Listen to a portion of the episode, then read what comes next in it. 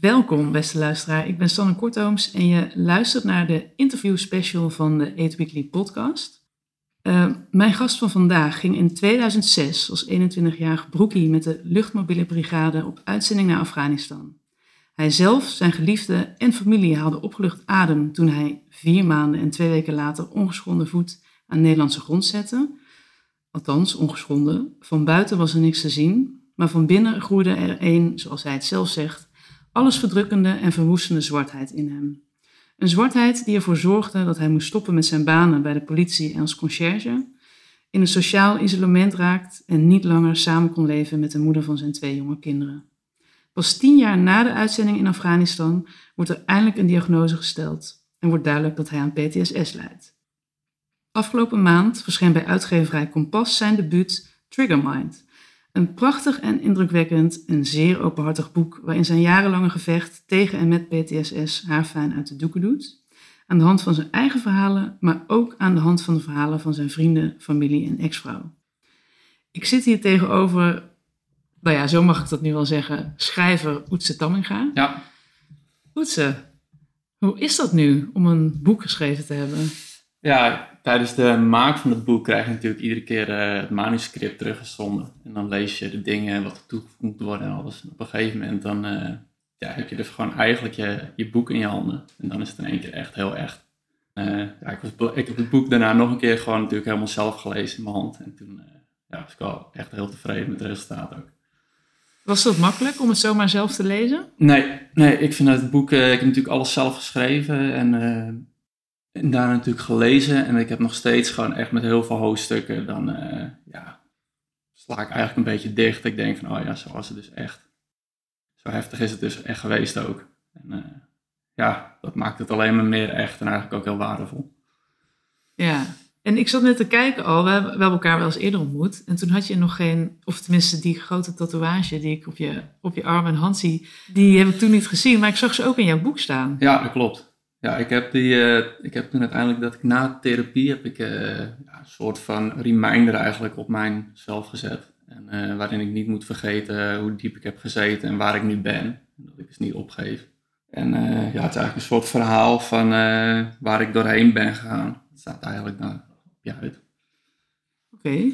Oh, heb je dat zelf dan ontworpen? Of hoe nee, ik ben zelf, uh, als ik zelf iets zou moeten tekenen, dan zijn er nog steeds mannetjes met harkvingers. Dus dat, uh, inspiratie is allemaal van anderen. Dit ziet er inderdaad heel anders uit. Ja, ja nee, dat, uh, nee. Dus hoe lang heb je die tattoo zo? ik denk nu zo'n drie jaar, of vier jaar. Ja, vier jaartjes denk ik. En wat doet dat dan met je als je ernaar kijkt? Ja, het is gewoon, wat ik zeg, een reminder van bijvoorbeeld in mijn, als ik slechte dagen heb zit gewoon even eigenlijk heel diep. Dat ik gewoon kijk en weet dat het ook weer, als ik gewoon zo door blijf gaan en rustig blijf, dat het ook weer goed komt. Ja, ja dus dat je eigenlijk altijd weer ja, uit de dal ja, omhoog... dat ik niet moet luisteren naar, uh, naar de duisternis, maar naar de andere, naar de andere zijde, zeg maar. Ja, dat is wel heel mooi. Ja, want het is natuurlijk met... Het blijft natuurlijk altijd zo met PTSS. Ik ben nu best ver, maar ik blijf het altijd gewoon echt hebben. En ik heb er ook gewoon echt altijd heel, heel veel last van. Kijk, ik kan nu, doordat ik al via thuis zit uh, en niet hoef te werken, heel goed anticiperen op, op uh, wat ik heb. Dus als ik nu heel veel spanning ervaar, dan weet ik bijvoorbeeld morgen en overmorgen moet ik niks doen om die klap op te vangen. Ja. Dus, uh, dat heet natuurlijk ook PTSS en het gaat natuurlijk gepaard met stress. Dus hoe meer stress ik ervaar met alles, hoe erger alle klachten zijn. Ja, want PTSS staat voor posttraumatische stressstoornis. Ja. Kan je heel kort uitleggen voor luisteraars die dan niet mochten weten wat dat inderdaad ja, is? er zijn uh, zeg maar, situaties in heel veel stress. Daar heb je dus een, een emotionele trauma opgelopen. En uh, uiteindelijk ja, gaat de, je hebt zo'n klein orgaantje ergens in je hoofd, dat heet de amygdala. En uiteindelijk die slaat dus emoties op en geluid en, en herinneringen en dat soort dingen. En die stuurt ook het een en ander aan, geloof ik. En op een gegeven moment, als je dus een bepaalde trigger krijgt, dus een geur of een beeld of een knal of iets, dan wordt het daar naartoe gelinkt en die vuurt gelijk stress af. En die zorgt dat de frontale, hoe heet het, ja, voor mij dat ding, ja, die, ja. Uh, die zorgt dat die overgeslagen wordt. Dus dan denk je niet meer helder na, maar ga je gelijk over op de stressreactie. Dus ja, dat is dan zeg maar je trauma, is dan een stress. Uh, dat blijft dus eigenlijk actief ja. nadat je uit die want het is dan ontstaan in een situatie die echt zo stressvol was, waar, dat dus, waar je zo moest reageren of waar dat van pas kwam. Maar dat blijft nu dus eigenlijk de hele tijd die blijft de hele tijd triggeren Ja, eigenlijk. die blijft eigenlijk doorvuren en alert. eh, ja, het is een soort, eh, soort alarmbellen zijn er gecreëerd in je hoofd. Op het moment dat jij dat de hersenen denken van maar iets wat daarmee te maken heeft, dan begint het gelijk te vuren en krijg je dus paniek of eh, agressiviteit of herbelevingen of noem het maar op, waar je last van hebt op dat moment. Ja. Dan zijn we meteen bij de titel van jouw boek, want dat is Trigger Mind. Ja. Dus dat, dat heb je nu eigenlijk meteen Ja, precies. Ja, uitgelegd. ja. Hoe, hoe ben je eigenlijk op het idee gekomen van ik, ik ga mijn verhaal opschrijven? Ik heb hier nu 16 jaar mee te maken. En in die 16 jaar is eigenlijk gewoon alles kapot gegaan. De relaties kapot, maar ook mijn relaties met eh, familie, vrienden, jezelf vooral. En ik heb erop teruggekeken en er zijn natuurlijk duizenden anderen die hier nog mee te maken gaan, gaan krijgen, of het al hebben. En ik had zoiets van ja, eh, wij, wij hebben als familie en ik zelf ook zo met eh, niet weten te maken gehad. Niet weten wat er aan de hand is, niet weten wat er gebeurt ook toen, toen uiteindelijk de diagnose was gesteld, toen wisten mijn ouders, die stonden nog steeds van ja, en nu dan, weet je wel. Ja, die staan ook gewoon alleen. Dus er, is, er zijn bijna geen handvaten of gidsen, zeg maar, van joh, kijk hier eens naar, let hier eens op. En daarmee kreeg ik het idee van nou, als ik dan gewoon mijn hele verhaal opschrijf, in alle eerlijkheid, zoals het is, dan kan een ander zich daarin herkennen of erkennen, of steun of houvast aan, eh, aan hebben. Mhm. Nou ja, dat vind ik, ik. Ja, ik heb het boek gelezen en ik vind dat dat super goed gelukt is. Want wat ik super interessant vind, is dat je eigenlijk een soort drie lijnen in het, in het boek hebt. Of, of misschien vier inderdaad. Want eh, nou, je hebt jouw eigen verhaal, jouw eigen struggle, waarin je echt ja, letterlijk een open boek bent eigenlijk. Want ja, je vertelt alles. Het is heel eh, openhartig hoe je, hoe je jouw strijd beschrijft. Tegelijkertijd hè, ga je ook af en toe even naar wat de psychiatrie ervan vindt. Hè? Of die komen ook weer aan het woord. Ja, dat is eh, dokter Erik Vermetten. Ja, Ja. Erik Vermet Ja. inderdaad. Ehm, maar daarnaast is er ook een lijn die gaat over jouw tijd in Afghanistan. Waar natuurlijk de, ja, de triggers eigenlijk vandaan komen. Ja. En er is een hele lijn die gaat over... Eigenlijk geschreven ook een beetje door jouw eigen familie, eh, door je ex, door Ja. een goede vriend. Die ook hun kijk geven op jouw situatie. Ja.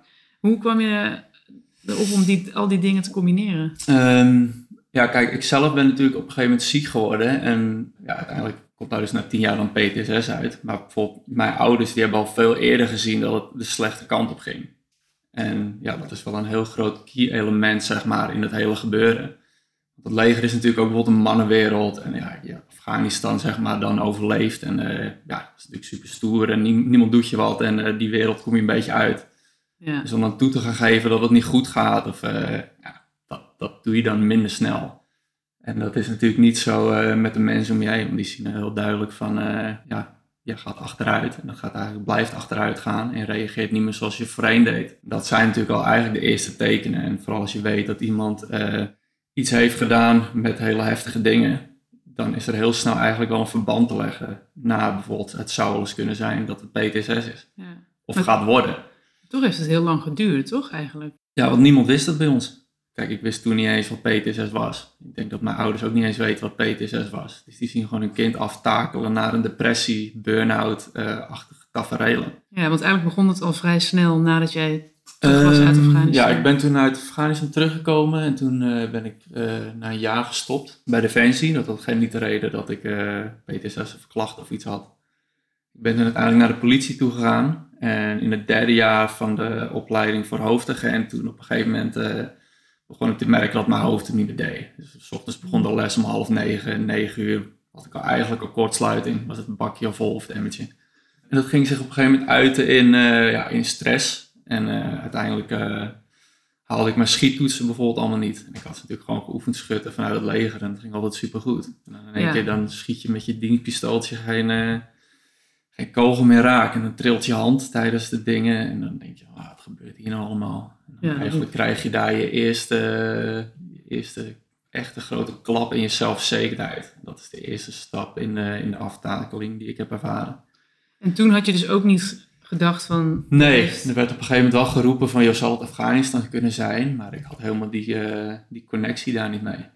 Ik heb natuurlijk ook echt gewoon een hele mooie, goede uitzending gedraaid met die jongens. En dat was echt een hele tof iets om meegemaakt te mogen hebben. Dus ik linkte dat ook niet direct aan dat ik daar wat had opgelopen. Nee, dat zeg je inderdaad een paar keer in je boek ook. Van, Ja. Ik heb zo'n geweldige tijd gehad. Hoezo? Ja.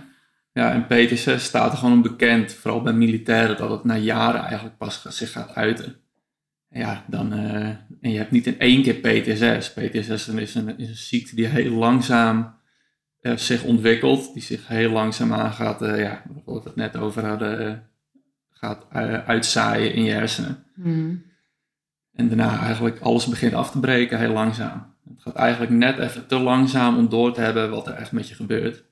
Ja, dat is natuurlijk ook het gevaar eigenlijk een beetje ervan. En laat staan, ja, als jij het al niet door hebt, hoe, ja, hoe kan je Ja. omgeving het Ja. dan doorhebben? Ja, precies. En ik denk dat het ook heel lastig is, want ik ben toen wel een keer getest voor PTSS ook, maar in het begin dan heb je zo weinig klachten die nog echt relevant zijn daaraan, dat je het niet hebt. Ja, Ja, en dan word je dus eigenlijk naar huis gestuurd van, oh, je zal misschien wel depressief zijn of, eh, of een burn-out of iets. Maar ja, dan neem je dan op dat moment genoeg mee ja. en dan ga je naar huis. ja, dat staat ook heel mooi inderdaad, het vragenlijstje hè, in je boek. Waar, Ja. die, de vragen die je dan krijgt. En dat je eigenlijk maar op twee vragen met ja kon beantwoorden op, Ja. of bevestigend. Is die vragenlijst dan niet gewoon verkeerd, denk je? Ehm, nou, ik denk dat het, ik denk dat het ook het is gewoon ook heel moeilijk. Want zoals ik had niet gelijk een referentie terug naar Afghanistan, maar uiteindelijk kwam daar wel al het verdriet vandaan. En ik heb pas denk ik echt in de traumatherapie geleerd waar het grote verdriet echt vandaan kwam. Dat kwam misschien wel uit een hele onverwachte hoek. Je kijkt heel snel naar de dingen die je hebt gezien bijvoorbeeld. En bij mij Ja. ging het dus eigenlijk meer om de dingen die ik heb gevoeld, in plaats van het gevecht of de, de andere dingen die daar eh, voorbij kwamen. Ja, precies. Dus niet letterlijk zeg maar een explosie die Nee, voor, nee. maar, maar meer de, Nee. misschien de angst voor iets. Ja, ja. Ja. ik, ik zei het al van in je boek be- beschrijf je echt een aantal momenten heel specifiek uit eh, Afghanistan. Ehm, daar zou ik graag een klein stukje van, eh, Ja. van voor willen lezen. Yes. En dan kunnen we het er daarna even over hebben. Even kijken. Ja, dit is, dus dit is het stuk ehm, waarin jij... Het gaat over het grote vuurgevecht, toch? Ja, het gaat over het grote vuurgevecht. Misschien kun je het een klein stukje inleiden. Ehm, nee, wij zouden... Even kijken hoor. Wij zaten in Tarinkot en toen op een gegeven moment kregen wij de opdracht om een Canadese... vooruitgeschoven Canadese basis eh, te bewaken voor een paar dagen. Want hun hadden een heel groot offensief in Kandahar. En uiteindelijk eh, ja, zouden wij daar maar twee dagen of drie dagen zijn. En uiteindelijk is dat drie weken geworden, omdat er van alles fout ging tussen, eh, in, hun, in hun actie, zeg maar. Uiteindelijk zijn er ook heel veel mensen van de goede kant zeg gesneuveld. En dus ja, wij zaten daar langer dan eh, we zouden moeten. En op een gegeven moment eh, ja, ga jij nu voorlezen wat er gebeurt. Ja. Iets later, het is nog steeds warm. Zitten we al tegen de schemer aan. Elk moment nu kunnen de schaduwen van achter de rotsen en de tenten springen. Als een opkomende vloed verduisteren ze de wereld en verdwelgen ze het licht. In ongeveer een uur is dit voorbij. Dan begint de nacht. Met soms een hemel die door miljoenen sterren fluoriseert als een oceaan vol lichtgevende algen. Dan, plotseling, de lucht kleurt. Tracers, kogels, met gekleurde punten trekken rode strepen in de nacht. Zand spat op voor mijn voeten. Groot kaliber, anders kom je niet zo ver. Welke idioot valt er nu een kamp aan? Het is mijn enige gedachte. We worden bevuurd, schreeuwt de sergeant. We laten het eten vallen en vrijwel tegelijkertijd met de andere jongens duiken we de tent in. De adrenaline zit hoog. Geen tijd voor angst. Zo snel we kunnen graaien we onze kleren en scherven weer in de vesten van de bedjes. Trekken ze aan en pakken onze persoonlijke wapens. In de schemer van de tent, onder het vuur van de vijand en het schreeuwen buiten, heerst chaos. Op de rand van paniek. We struikelen over elkaar spullen en benen. Via de omheining naar de post, roept de luitenant. Dat is 300 meter van de tent, door open vuur. Zo'n zelfmoordbevel had in de Eerste Wereldoorlog bij Verdun of de Marne niet meer staan. Maar bij een vredesmissie stuur je mannen toch niet zomaar de dood in? We rennen voor ons leven. Mensen zeggen wel eens dat je tien keer zo hard kunt rennen als je leven ervan afhangt, maar dat blijkt voor mij niet te kloppen. Ik ploeg door het zand en mijn spieren branden. Pas bij de omheining kijk ik om. Het hele kamp is in actie. Alle kanonnen en mortieren vuren. Het lijkt wel oud en nieuw. Dat machtsgevoel. Ik voel me trots. Ik kijk omlaag. Net als Bob. En we lachen. Ik draag mijn slippers nog.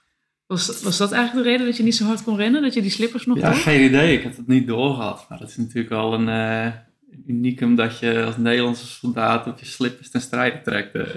Ja, Ja. Dat, dat lijkt me ook wel.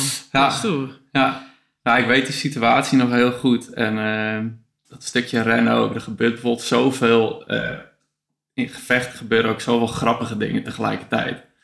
Dat je op je slippers bent en een, een, kameraad van ons achter, die rende achter ons aan. En die schreeuwde get some, get some. En ondertussen keek je niet waar hij liep en die ging echt voluit op zijn plaat bijvoorbeeld. Ja, ja. Tijdens de rennen naar die dingen. En dan lig je ook gewoon helemaal dubbel met z'n allen.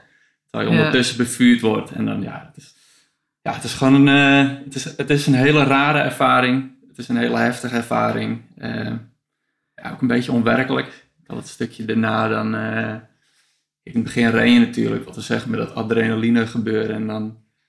Dat is een kort moment dat je zeg maar... Dat mensen zeggen van, joh, ik tilde een hele auto op of dat soort dingen. Of ik trok een sprint en ik was niet moe en dat soort dingen. Maar uiteindelijk heb je dan een bepaald stuk daarna. Dan neemt je adrenaline af en dan merk je bijvoorbeeld pas wat zijn impact dat heeft. Ja, ja wijs aparte ervaring. Wel, wel een hele mooie ervaring, moet ik zeggen. Maar...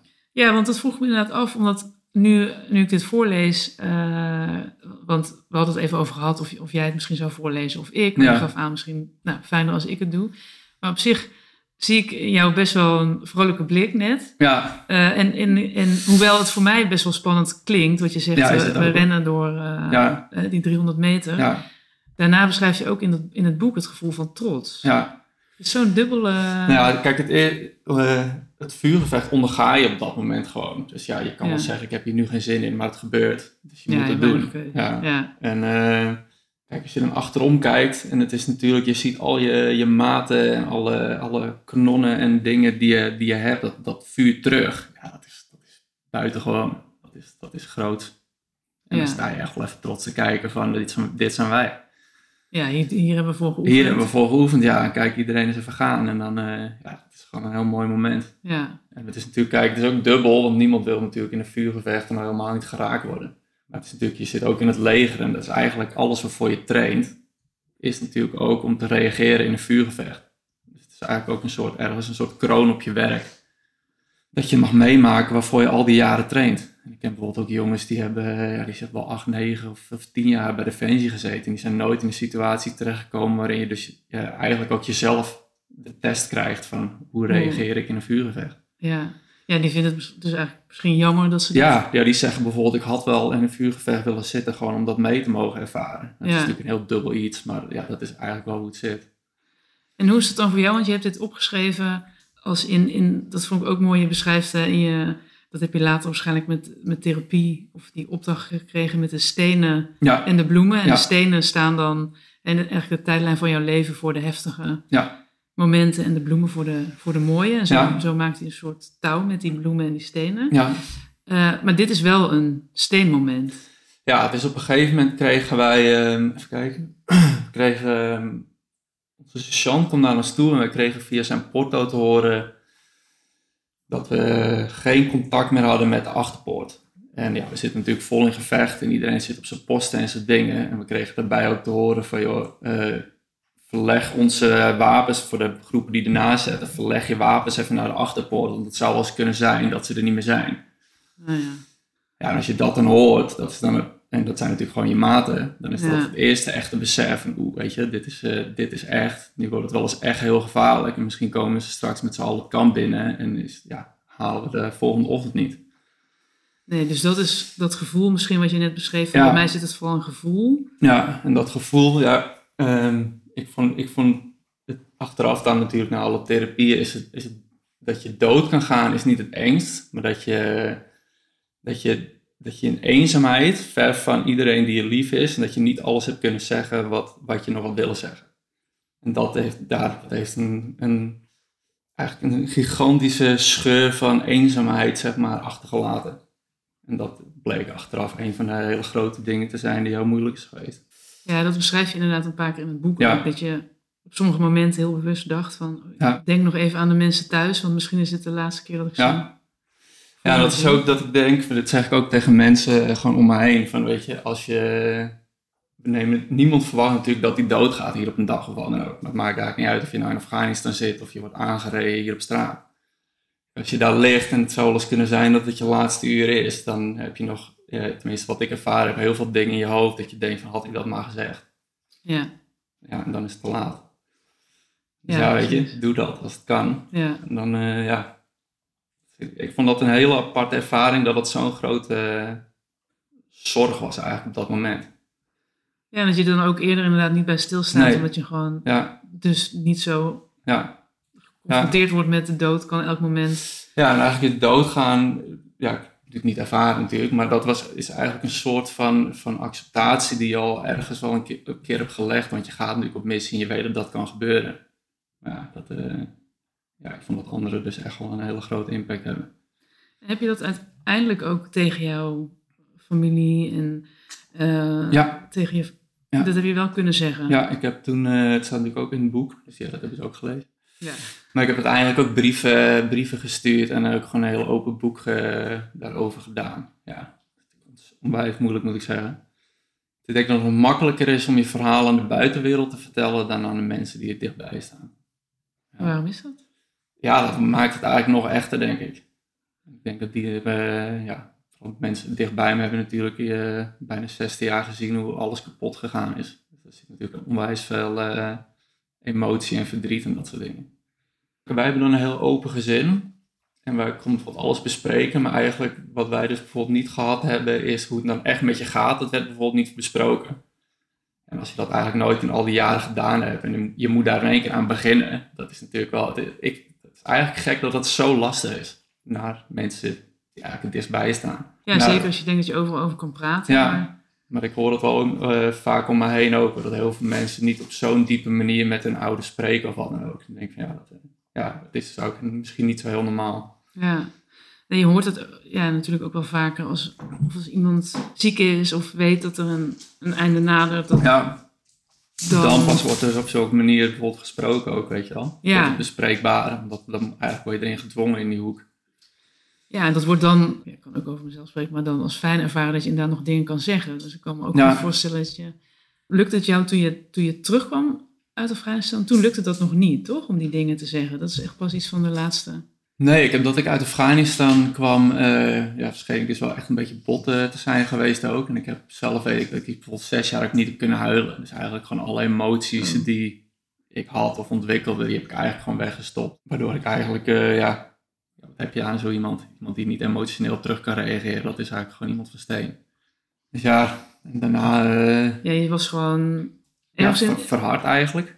Ja, en ergens in het boek beschrijf je ook, dat vond ik ook heel mooi gezegd, dat, dat je het voelde alsof er een olifant op je zat. Ja, Dat je geen kant op kon, dat je... Nee, dat was dat ik uiteindelijk ziek eh, begon te worden ook. Dan, eh, Ja.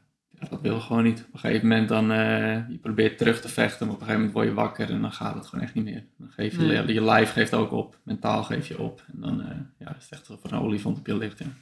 Want je zegt, toen begon ik ziek te worden, maar je bedoelt, of kan je dat eens vertellen hoe dat ging? Dus in, in stapjes, dus eerst werd je bot en naar binnen gekeerd. En, Ja, je wordt natuurlijk eerst emotieloos en eh, uiteindelijk begin je zelf natuurlijk wel door te hebben dat je van alles mankeert. En uiteindelijk glij je dus heel langzaam af, dus het is je zelfvertrouwen gaat eraan. Kijk, een heel belangrijk ding in PTSS is dat je op een gegeven moment krijg je te maken met je eerste triggers. Dus ik was bijvoorbeeld eh, eh, naar, de, ik ging naar de winkel en ik stond daar bij de kassa en ik was wat met mijn pas en in één keer ging de aandacht op mij en ik, er gebeurde iets en ik weet niet wat. En ik werd dus door iets werd ik getriggerd in mijn hoofd en ik kreeg daar dus gewoon een van de grootste paniekaanvallen die ik ooit had ervaren. Die kreeg ik in één keer om mijn ogen heen. En dan sta je als volwassen man natuurlijk echt als een, als een bibberend kind eigenlijk in volle angst en paniek, niet wetend wat er gebeurt. ja. En eh, ja, daar, uiteindelijk eh, kom je dan uit die situatie en thuis ben je helemaal van de rel. Maar was de volgende keer, dat moest ik dus weer naar de winkel. En toen kreeg ik dus bij voorbaat al eh, dat mijn alar- alarmbellen afgingen. ja nou, dat is één voorbeeld. En ik had het op een gegeven moment bij op een feestje, eh, tijdens mijn werk. gewoon random op straat, een keer met een conflict met iemand. En op een gegeven moment raak je in zoveel verschillende situaties waar jouw lijf dus gewoon gaat reageren op stress en op triggers. Dat je uiteindelijk wordt, alles wordt zeg maar een soort PTSS. Dus naar de winkel gaan wordt een nieuwe soort trauma. Mm. Naar een feestje gaan wordt een nieuwe soort trauma. En zo wordt je leven eigenlijk een soort groot mijnenveld. Ja, precies. En eigenlijk wordt daar in stukje voor stukje wordt je leven eigenlijk eh, van je afgepakt. En raak je in een isolement. En ondertussen word je dus je eigen zelfvertrouwen. Want ja, de grote man die je ooit dacht te zijn, die wordt gewoon compleet afgebroken Ja. tot een kastplantje. Dus je raakt in isolement, je raakt in een depressie. Je raakt in een burn-out. Je weet niet meer wat er gebeurt. Dus de hele wereld wordt gewoon duisterder en duisterder en kleiner en kleiner. En dat is natuurlijk het gevaar ervan. Ja, wat ben je dan uiteindelijk nog? Uiteindelijk zit je met de gordijnen dicht, ben je ziek en dan, uh, ja, als de nacht begint, krijg je, begint je tweede, uh, je tweede hel. Dus je sliep ook niet meer? Nee, je sliep ook niet meer. Dat zijn nachtmerries. Uh, ja, als je dan ondertussen nog moet werken en je hebt nog twee kinderen aan je benen die je eigenlijk moet verzorgen en ook nog aandacht moet geven. Mm. Je hebt al ondertussen een keer drie keer niet geslapen en ondertussen je stresslevel zit tot, tot, tot aan het plafond. Ja, dan ben je aan het verdrinken. En dan kom je in zo'n neerwaarts spiraal terecht waar je gewoon niet meer uitkomt. Ja. Ik wil nu echt graag dat andere stukje voorlezen. Want ja. ja ik vind dat je het super pakkend hebt uh, uh, verwoord. Het, het gaat er ook over, dus eigenlijk alles wat je, wat je net zei. Maar goed, daaromheen staan natuurlijk ja, ja, je ouders, ja. uh, je broer, je vrouw. Vriendin doen, ja. Vriendin. Ja. Um, en dat het eigenlijk zo'n, ook zo'n eenzame weg is. Want jij, ja, jij maakt het allemaal mee, maar ja. hoe, hoe valt de rest dit op? Ik lees even een stukje voor hoe jij dat beschreven hebt. Yes. Zagen mijn ouders dan niet hoe erg het met me was? Ja, ze zagen het, maar begrepen het niet. Net zo min als ik zelf trouwens. Het maakte ze verdrietig, ongeduldig of boos, maar ze hadden er geen begrip voor. Met het leed dat ik op onverklaarbare wijze in me droeg, deed ik ze pijn. Hartverscheurend was het, maar ik kon er niks aan doen. Ik wist ook niet waar het vandaan kwam en al helemaal niet hoe ik me er tegen kon verzetten, want het kwam van diep van binnen, ergens vandaan. Geen idee waar. Het was onberedeneerbaar. Het ergste misschien wel was, met mijn verstand snapte ik prima wat er om mij heen gebeurde. Maakte ik alles bewust mee. Ik was toeschouwer van mijn eigen film. Zag het gebeuren, was erbij, maar ik kon er niets mee. Er was niets om tegen te vechten, omdat ik niet wist waar mijn vijand zat, of wie of wat die vijand was. Ik kon niet vechten en ik kon niet vluchten. Ik wilde huilen, schreeuwen, hulp vragen of wat dan ook, maar er zat niks. Ja, ik, ergens in dat omhulsel dat ik was, zat ik nog. Een deel van mij. Vanuit dat deel keek ik naar buiten en was ik getuige van de gruwel in mij en van het verval om mij heen. Maar daaromheen, tot de vleeselijke rand van het omhulsel, was het lichtloze luchtledigheid. Die droeg geen geluid. Ik schreeuwde wel heel hard om die hulp, maar riep in de donkere leegte. Mijn moeder kwam naast me zitten, huilend op de bank, om mij. Vanuit de donkerte waarin ik leefde, kon ik niet eens mijn armen naar haar uitstrekken om haar te omhelzen en te troosten. Soms stond ik met de deurklink in de hand en lukte het niet om deze naar beneden te drukken. Lag er post op de mat, dan kon ik die niet oprapen. Zelfs naar de wc gaan terwijl mijn blaas op knappen stond, was te veel. Af en toe kreeg ik een knuffel. Die wilde ik ook. Als een droge spons verlangde ik naar de liefde en de aandacht die ik zelf niet geven kon. Ik wilde dat anderen zagen hoe slecht het met me ging. Maar zodra ik een knuffel kreeg, woog dat niet op tegen de keren dat er tegen me werd gezegd wat ik moest doen en dat nam ik ze dan kwalijk. Want ik kon niks doen. Mijn lijf, mijn benen, mijn armen waren niet langer van vlees, maar van natte zware klei. Ik voelde me niet gezien, gesteund en erkend. Ik kreeg niet wat ik nodig had en dat versterkte de pijn. Het voelde eenzaam. Nou, dat kan ik me goed voorstellen dat het heel eenzaam moet zijn. Ja. En jij beschreef in je boek ook dat PTSS een familietragedie is. Want ja, jij hebt ermee te maken, maar iedereen om jou heen heeft er automatisch ook mee te maken en wordt. Ja. ja die, iedereen denkt van ja, wat, wat is er met Oetsen? Waarom doet hij niks? Ja, iedereen wordt meegezogen in dat, in, de, ja, in dat zwarte gat wat je eigenlijk, uh, wat eigenlijk jezelf is. Kijk, natuurlijk mijn, uh, mijn uh, moeder van mijn kinderen toen, ja, dat was natuurlijk gewoon een jonge vrouw in de bloei van haar leven, die dan in één keer met zo'n zo'n levenloze zak vlees op de bank zit, waarvan niet begrepen wordt wat er aan de hand is en ook waar je ook niks mee kan. Ja. ja, dat is ook niet wat zij allemaal gewild heeft natuurlijk. Ja, als je geen, als je, als niemand om je heen begrijpt wat er is, en jezelf ook niet, dan staat iedereen in het handen in het haar. En ja, mijn ouders hebben ook met beste bedoelingen gehandeld en alles. Maar ja, ja, dat was op dat moment niet wat ik nodig had. Ja, ja, ze wisten het ook niet. Dat vind ik een beetje het gevaar en waarom ik dus ook het boek heb geschreven. Van, iedereen weet wel een beetje wat PTSS is. Dat het, dat het van trauma's vandaan komt. Ja, dat je het overal kan oplopen. Maar wat, wat is de schade nou? Wat het echt aanricht? Wat doet het? Wat zijn die stappen daartussendoor allemaal? En die, die zijn niet 1, 2, 3 te vinden. Nee, dat is inderdaad wat je zegt. Dus nou ja, je, je relatie is eraan onderdoor gegaan. Ja, ja, alles gaat stuk. Echt alles om je heen gaat gewoon kapot. Eh, ja, mijn motto is van hoe eerder aan de bel, hoe beter het herstel. Dat is natuurlijk ook waarom ik dat boek, eh, hoe eerder het gewoon herkend kan worden en hoe mensen gewoon kunnen herkennen van oké, maar dat, gebeurt, dat, hebben wij, dat zien wij ook, of dat gebeurt er of dit. Van, dat je eerder nadenkt van joh, het kan zo alles zijn dat het PTSS is. Hoeft het niet zo kapot te gaan als dat het bij ons is gegaan. Nee, hoeft het niet zo lang te duren voordat het herkend wordt. En, nee, uh, dat, ja, hoe meer, zeg maar, hoe langer PTSS tijd krijgt om te vreten in je hersenen en hoe meer van die trauma's in het gewone leven je erbij krijgt door jouw PTSS, hoe dieper alles gaat zitten en hoe moeilijker het is om alles te verwerken en weer terug te komen in de maatschappij. Dus het is echt gewoon essential gewoon om snel bij te zijn. Mhm. Ja, en, en jij bent dus heel openhartig uh, in je boek, maar ik vond dat jou, dus Melanie, jouw, jouw ex en jouw ouders en goede vriend, die zijn ook allemaal heel openhartig en die schrijven ook allemaal stukjes. Ja. Hoe is dat tot stand gekomen? Hoe, hoe was het moeilijk om dat aan te vragen? Uh, nee, kijk, het is voor onze familie zeg maar ook natuurlijk een, een, therapie geweest om het boek te schrijven. Want ja, iedereen moest eigenlijk zeg maar het boekje open doen over wat hij er nou echt allemaal van gevonden heeft en uh, hoeveel schade het allemaal gebracht heeft.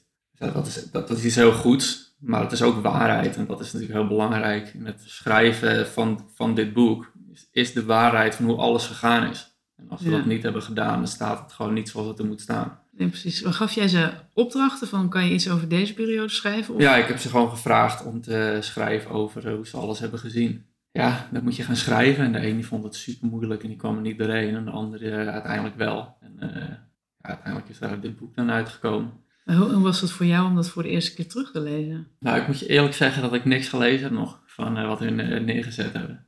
Nee. nee. Dat is nog te confronterend. Ja, ik denk het wel, ja. ja. Dat is hetzelfde ook. Dat, ik kan zeg maar mijn boek lezen, maar als ik het hardop zou moeten lezen, dan komt er dus emotie bij. Ja, dat gaat echt niet. Nee. Er zit er nog zoveel, zoveel leed en, en verdriet. Nou ja, ja, dat is ook de ziekte ja, die je natuurlijk nog steeds hebt. Ja, want het is ja, niet... Ja. ja, je komt er dus eigenlijk niet meer van af. Dat is het ook. Nee, nee kijk, ik kan nu natuurlijk best wel goed praten over, uh, zeg maar oppervlakkig en ook wel inhoudelijk hoor, over, over wat daar allemaal precies gebeurd is en wat het met mij gedaan heeft. Maar alle, alle 16 jaar van ellende die het gecreëerd heeft en alle verwoestingen daaromheen, wat na je PTSS komt, zeg maar, dat is, dat is zo gigantisch groot.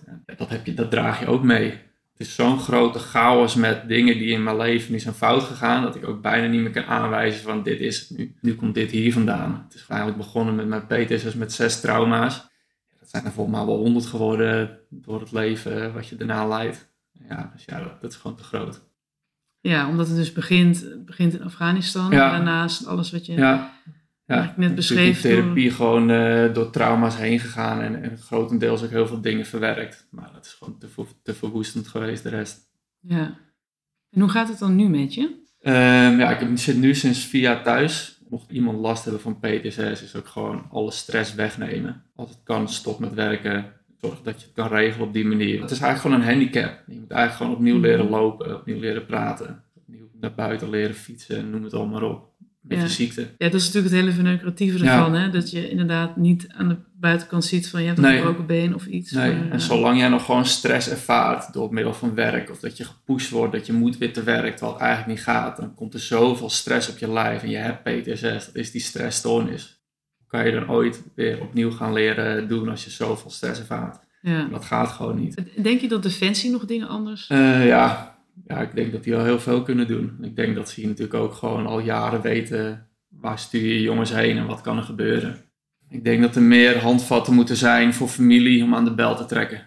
Wat ik net zei, stoere jongenswereld zullen niet 1, 2, 3 wat doen. Ik denk dat het heel, heel, heel goed is om eh, familie gelijk erbij te betrekken, ook eh, met PTSS. En dat het gewoon mogelijk is met die thuiskomstdagen, dat ze daar bijvoorbeeld erover hebben van, joh luister, PTSS is gewoon iets wat bestaat. En je zit gewoon in een risicogroep. Let hierop. Ja. ja, dat lijkt me wel heel belangrijk. Ja, ik denk Dat dat wel een van de belangrijkste dingen is. Iemand kan meegeven die dit werk gaat doen. Ja, eigenlijk misschien al wel aan de opleiding zelfs. Ja, maar ik denk dat je als jonge jongen denkt van dit gebeurt mij toch niet. Nee. Ja, je haalt je beret en dan ben je natuurlijk ook onverwoestbaar. Dus ik denk dat je meer moet richten op eh, de mensen eromheen. Die er ook als eerst mee te maken krijgen. Ja, Misschien gewoon een keer een cursus of zo. ja inderdaad krijgen. zoiets. Of gewoon, met- ja, je hebt die thuisfrontdagen dat je dus eh, dat je met z'n allen uitgenodigd wordt op de kazerne. Ja, ik heb het er gewoon even kort over. Ja. Het hoeft geen bangmakerij te zijn. Het bestaat gewoon. Dus Ja. Het gaat wel om je, om je kind of om je partner of eh, om je vader of moeder. Ja, zeker. Hoe voel je je dan bijvoorbeeld vandaag? Ja, vandaag natuurlijk, je weet dat het komen gaat, stress gaat omhoog. Het gaat nu beter dan al in het begin van het interview. Eh, merk je gewoon, eh, kijk, ik zit natuurlijk nu in mijn eigen veilige omgeving. En eigenlijk eh, merk ik nu gewoon hoe mijn lichaam van de rel raakt van het begin dan. Maar goed, ik wil het, want als ik er geen, eh, als ik er geen gehoor aan geef, dan komt het ook niet bij de mensen die het nodig hebben. Nee. En voor mij is dit allemaal gewoon, ja, het zijn allemaal gewoon kleine overwinningen. Een jaar terug kon ik de telefoon niet eens oppakken om een afspraak te maken met een tandarts of een mondhygiënist of wat dan ook. En nu kun je dat wel. En nu zit ik in een interview, weet je, en zo moet ik het ook zien. Kleine successen ervaren, zeg maar, om ook die zelfvertrouwen weer te krijgen dat het wel kan. Ja, want eigenlijk, kijk, op mij komt het over alsof je dus best wel goed in ieder geval bezig bent. In Je hebt gewoon een heel boek geschreven Ja. waarin je blootgeeft dat het is ook Ja, niet niks. nee, Ik bedoel, ik kan er altijd ideeën over hebben en denken van dat is goed, maar om het ook te doen, en je moet er wel zelf de energie in stoppen om het natuurlijk zover te krijgen. Ja, bedoel, ja ik heb al honderd keer gedacht van waar ben ik aan begonnen. We hebben natuurlijk gezien alle leed en alle dingen. En als je dat voor een ander zou kunnen halveren of voorkomen of, of, of steun bieden of wat dan ook, dan, dan ben ik daarmee. En dan is het ook niet voor niks geweest. Nee. En je boek is nu bijna een maand uit. Ja. Hoe heb je de afgelopen maand ervaren? Eh, ja, het is natuurlijk doodeng eh, dat het er echt is, want dan is er ook echt geen weg terug. Zeg maar, als je het manuscript nog hebt, dan zeg je van laat me zitten en dan gooi je het in de prullenbak bij spreken. Ja. Maar een echt boek, ja, dat hou je niet meer tegen. Ja, ik heb hele mooie reacties gehad. Van partners, van veteranen, van eh, bedankt hiervoor. Veel meer inzichten gekregen, steun, erkenning en ook herkenning. Jongens die met ons mee zijn geweest, die gewoon, eh, waar ik gewoon naast heb gestaan, die hebben heel mooi gereageerd erop. En die hebben zelf ook eh, last gehad van dingen waar ik, terwijl ik spreek hen helemaal niet, dus ik wist helemaal niet eens meer dat hun ook bijvoorbeeld last hadden. Nee. En dat geeft voor mij weer herkenning en erkenning. Ja, super eigenlijk gewoon. Hele mooie voor mensen die vinden ook gewoon, die lezen het in één keer uit. En weten gewoon, als het slaan veel meer over PTSS. En dat eh, is het beste compliment. Ja, nee, je hebt je, je doel bereikt, denk ja, ik. Ik, denk dat doel het zeker ook bereikt. Hè. Ja, ongeveer in één ruk eh uit Ja. heb gelezen, want het is, het is heel pakkend. ja, ja het is super om te horen. Want ik was wel bang dat het misschien een zware iets zou worden. Maar dat, eh, mensen zeggen, ik heb, lees nooit een boek. En ik ging hier gewoon van in één stuk gewoon erheen tot het eind. Ja, omdat het, nou ja, het, natuurlijk zitten er misschien wel zware stukken in, Ja. maar ja, je, je hebt het gewoon heel goed.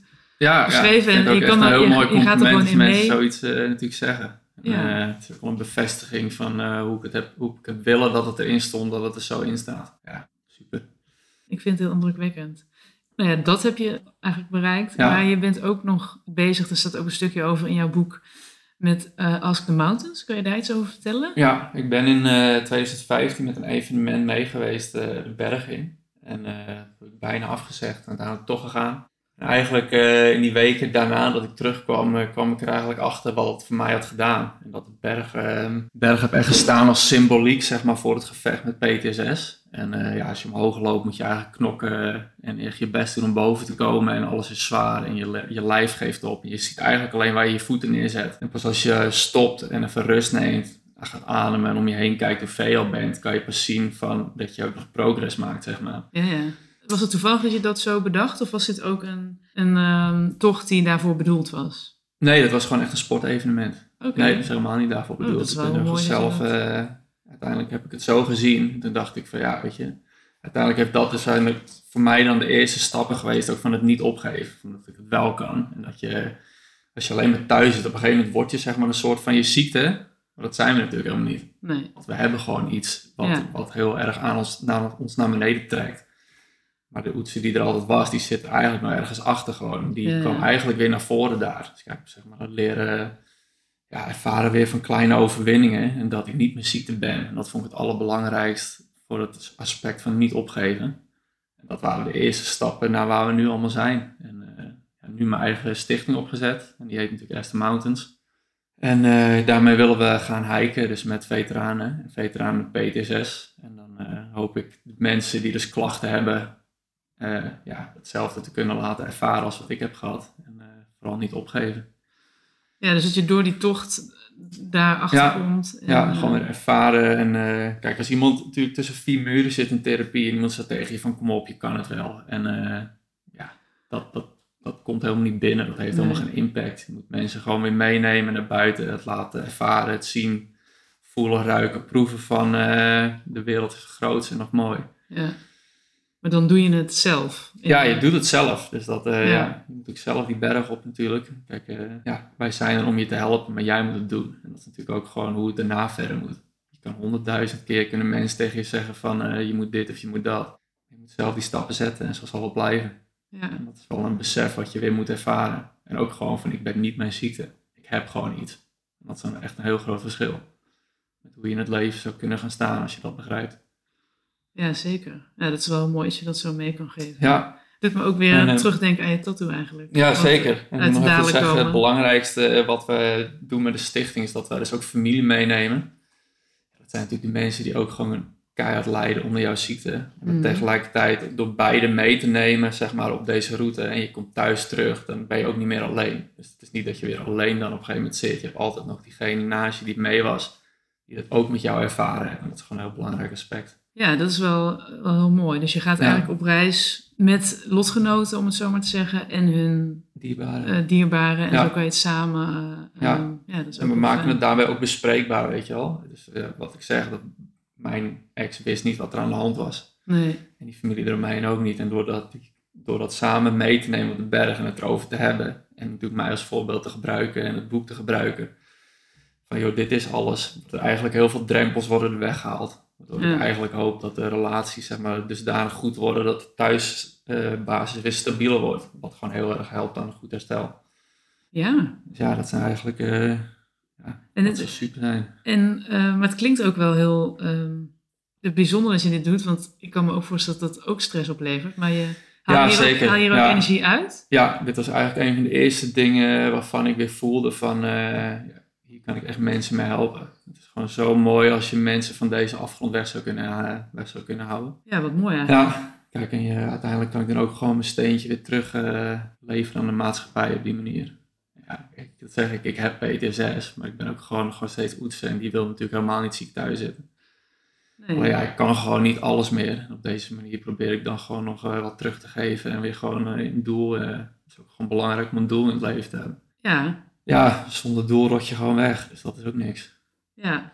Nou ja, ik vind dit wel heel eh, goed klinken. Ja, zeker. En waar, waar kunnen mensen eh, eh, informatie vinden? Ja, het is www.estermountains.nl. En ja, daar staat eigenlijk ook ons hele verhaal en wat we gaan doen. En zodra de tickets, we zijn- van plan nu volgend jaar mei te gaan starten officieel. Dus hou de website dan in de gaten. En komen de tickets ene dit jaar of begin volgend jaar online. En dan gaan we gewoon gaan we het doen. Nou, mooi. Ja, super. Bijzonder. Ja, dankjewel. En hoe zie je de, de toekomst? Eh, ja, de toekomst is gewoon, eh, het zal zwaar blijven. Met PDSS blijft ook een gevecht. En eh, ik hoop gewoon op, dat het iets beter zou gaan in de toekomst. Maar als, als, ik dit zou kunnen houden, dan ben ik al heel ver. Dat moet Ja. ik ook niet vergeten. Dus eigenlijk is het misschien ook gewoon met de dag kijken. Ja, het is sowieso altijd met de dag. Je weet het gewoon niet. Gewoon een heel lastig iets. En eh, ja, de ene dag is het echt de andere dag niet. Het kan heel zwaar zijn en het kan gaan. Ja. Maar ik, eigenlijk, als ik, het, als ik het omschrijf, heb ik 50% energie. En als er maar iets gebeurt of wat dan ook, dan gaat het heel hard naar beneden. En dan houdt het op. Dus ik heb gewoon veel minder, eh, ik kan veel minder klappen hebben op een dag, eh, om die dag door te komen. Ja. Het verschil is nu misschien dat je inderdaad erover kan spreken. En, Ja, dat scheelt wel je- een hoop. Met je Ja. Ja. vriendin, die weet het natuurlijk ook. Ja. En, Ja, ik heb een hele goede, stabiele thuissituatie die heel begripvol is en eh, dat helpt gigantisch. Fijn. Ja, zeker. Ja, nou, ik wil je eigenlijk heel erg bedanken voor, eh, voor je tijd en wederom je openhartigheid. Ja, jou natuurlijk. Ja, nee, ik vind, ehm, ik hoop dat heel veel mensen je boek gaan lezen, want ik denk dat het super veel inzicht geeft in, Ja. in PTSS en ook hè, een stukje van, nou ja, wa- wat je hebt meegemaakt in, ehm, bij Defensie en hoe je daarna erom bent gegaan met, Ja. ja. met alles eigenlijk en, en met je familie. Het is echt, ja, ik vind het echt een aanrader om meerdere redenen om het, eh, om het te lezen. Dus, Ja. ja. Super. Ja, gefeliciteerd ook met Ja, het boek. dankjewel. En Ja. ik- ja, het zou leuk zijn inderdaad als je komende tijd lezingen hebt en Ja, met Ask the Mountains. Ja. eh, dat, dat klinkt wel als een hele mooie doelstellingen. gaan we doen. Dus heel veel succes Dankjewel. En eh dankjewel. Yes.